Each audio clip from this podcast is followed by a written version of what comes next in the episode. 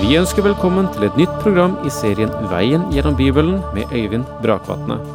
Denne studieserien er produsert av P7 Kristen Riksradio og bygger på serien Through the Bible av Vernon McGee.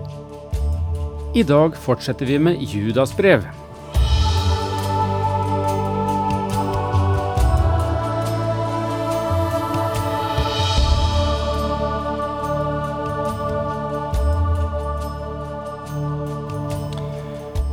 Da vi var samlet sist, brukte jeg tiden til å si litt om det som står i det 19. verset eh, hos Judas. Dette, og nå snakkes det om de som vil være forførere i menigheten. Dette er de som skaper splittelse. De har sjel, men ånden har de ikke. Jeg forsøkte å si litt om hvordan Bibelen oppfatter menneskenaturen. Og den tredelingen som finnes der i kjød, altså legeme, sjel og ånd. Og hvordan dette ble endevendt da fallet skjedde. Og hvordan mennesket i dag, sett fra Guds synsvinkel, slik Bibelen fremstiller det, eh, er å forstå. Vi har eh, sagt farvel til eh, det åndelige, og vårt psyke, vår sjel, tjener primært det kjødelige. Fellesskapet med Gud er borte. Og hvis Han ikke kaller, hvis Han ikke gjør noe, kan mennesket leve livet sitt religiøst, men det vinner aldri frem til det fellesskapet med Gud som er nødvendig. Du kan ikke tvinge denne gamle natur inn under lydighet mot Gud. Du kan ikke reformere mennesket. Og det var der jeg sluttet sist. Og det er eh, en påstand som ikke kommer fra meg. Vi tok utgangspunkt her, eh, også i romerbrevet, slik eh, Paulus beskriver menneskets natur i det åttende kapittel. Og la meg også ta med vers åtte og ni i dette kapittelet, altså Romerne åtte, vers åtte til ni. Slik menneskene er i seg selv, kan de ikke være etter Guds vilje. Men dere er ikke i den syndige natur, dere er i ånden, så sant Guds ånd bor i dere. Den som ikke har Kristi ånd, hører ham ikke til. Du kan ikke behage Gud om du bare tjener ditt kjød.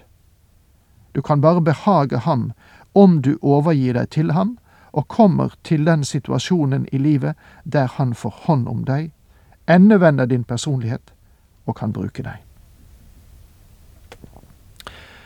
Og dette leder meg til å si noe om hva som hender når et menneske blir omvendt. Før vår omvendelse var du og jeg døde i overtredelse og synd. Visst kunne vi gå omkring, vi var fysisk levende, men åndelig døde. Når et menneske hører evangeliet, anvender Guds ånd dette på ens hjerte, og man stoler på Kristus. Vi sier at dette mennesket er født på ny. Det vil si et nytt liv begynner. Den åndelige natur blir igjen født, og vedkommende har nå en evne til å kommunisere med Gud. Det er ingen kraft i den nye natur, så Den hellige ånd kommer for å bo i meg. Og Det var det Paulus mente da han skrev Dere er i ånden, så sant Guds ånd bor i dere, som det står i Romene 8, vers 9. Med andre ord, det at ånden bor i oss, er et tegn på at vi er Guds barn. Den hellige ånd er ikke noe du kan motta ti dager etter at du er blitt omvendt. Om du ikke mottar ham det øyeblikket du er omvendt, så er du ikke omvendt, fordi det er Den hellige ånd som gjenføder. Det vil si som skaper nytt liv. Vi er født av Ånden. Det vil si at Den hellige ånd er ikke bare der for å hjelpe deg, men også for å tolke Guds ord for deg. og Guds ord blir ikke lenger dårskap for deg, men en ny verden og et nytt liv er åpnet. Men det er en kamp som fortsetter, som Paulus taler om i Galaterne 5 vers 17. For vår onde natur står med sitt begjær ånden imot, og ånden står imot vår onde natur. De to ligger i strid, slik at dere ikke er i stand til å gjøre det dere vil. Der er disse to naturene i en troende. Den gamle natur, den lavere natur, den psykologiske del av mennesket, og den ønsker å vende seg fra Gud. Den åndelige del ønsker nå å vende seg til Gud. Om du er et Guds barn, så kjenner du til denne konflikten. Og det er tider da du ønsker å vende deg fra ham, og det er tider når du ønsker å vende deg til ham. Det er av og til som bølgeslag i den kristnes liv. Slik bør det egentlig ikke være, men uheldigvis må vel de fleste av oss bekjenne at det er sant om oss, at vi kjenner noe til det. I første Korintiabrev kapittel 15 vers 45 taler Paulus om oppstandelsen, og han har dette å si. Det første mennesket, Adam, ble en levende sjel, det vil si det psykologiske. Den siste Adam ble en ånd som gir liv, det vil si en livgivende ånd. Dette er forskjellen mellom Adam nummer én og Adam nummer to. Mellom Adam i Edens hage og den Herre Jesus Kristus på korset. Jesus kom for å gi sitt liv, så han kunne bli en livgivende ånd. Og Paulus fortsetter med å si i versene 46 og 47 det åndelige var altså ikke det første, men det sjelelige. Deretter kom det åndelige. Det første mennesket var fra jorden og dannet av jord. Det annet mennesket er fra himmelen. Og dette tror jeg er den store forskjellen mellom Adam før fallet og det mennesket i dag som er gjenfødt. Vi blir i dag gjort til Guds barn og blir gitt en åndelig natur med evne til å forstå og kjenne Gud. Menneskets høyeste natur ved begynnelsen var at Gud åndet inn i menneskets nese, men det var en ånd som kunne falle. Vi har en natur i dag, såkalt syndig natur, og den vil vi ha så lenge vi er i legemet, fordi den faktisk kontrollerer dette legemet. Det er den psykologiske siden av mennesket. Det jeg vil understreke her, er at den kjødelige del av mennesket drar nedover, og ånden drar oppover.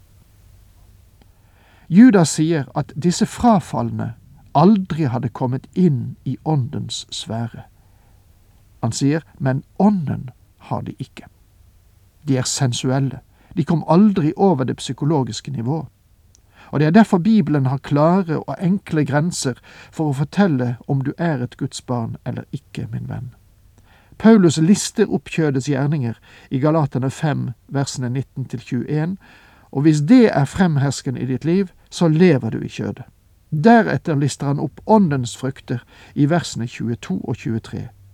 Om det forefinnes i ditt liv, er du et Guds barn. Men disse som forvrenger nåden, har ikke slik frukt i sitt liv. De kan ikke ha det fordi de ikke har Guds ånd. Ja, jeg har brukt litt tid på dette, for jeg følte at det var viktig for at du og jeg kan forstå oss selv, og hvorfor vi har alle disse konflikter og frustrasjoner som kristne. Vi har to naturer.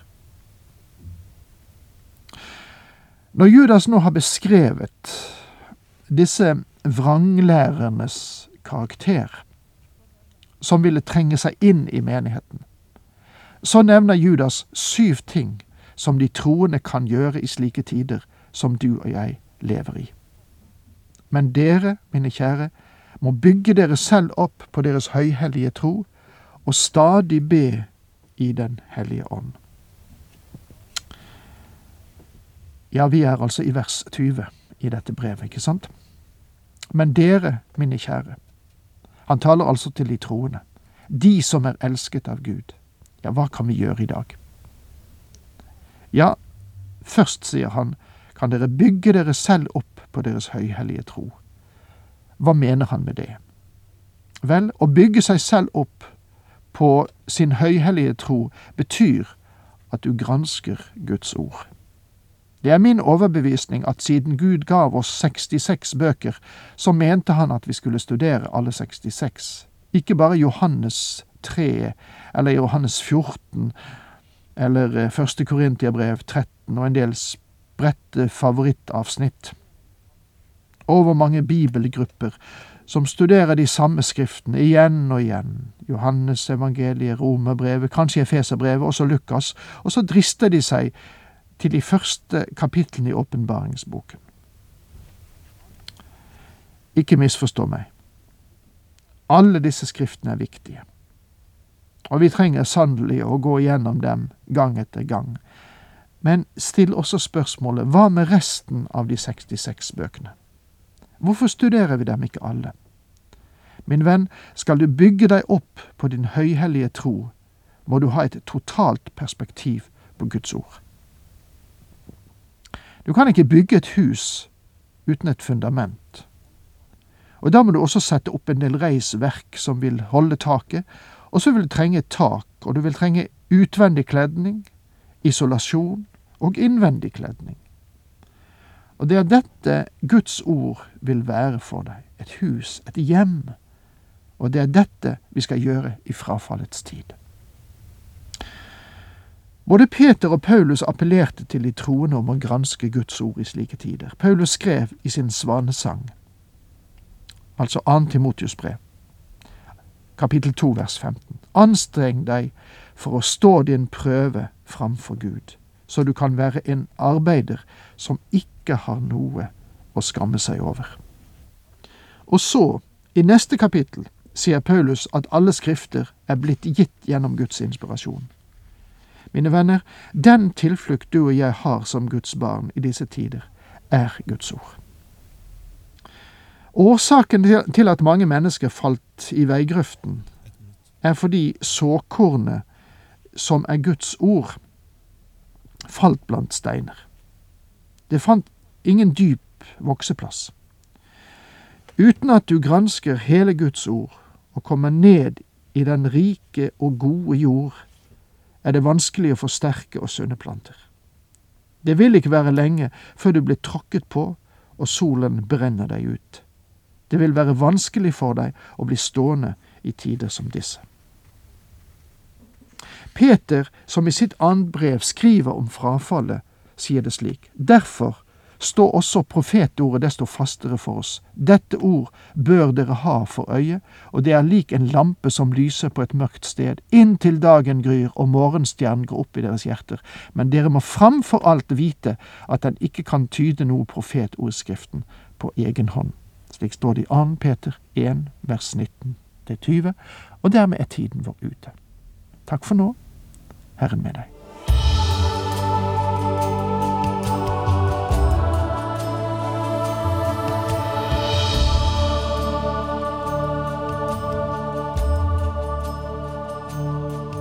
Du hørte Øyvind Brakvatne i studieserien Veien gjennom Bibelen.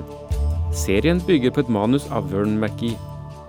Har du spørsmål eller kommentarer til programmet, kan du sende en e-post til vgb krøllalfa p7.no. Takk for i dag, og på gjenhør.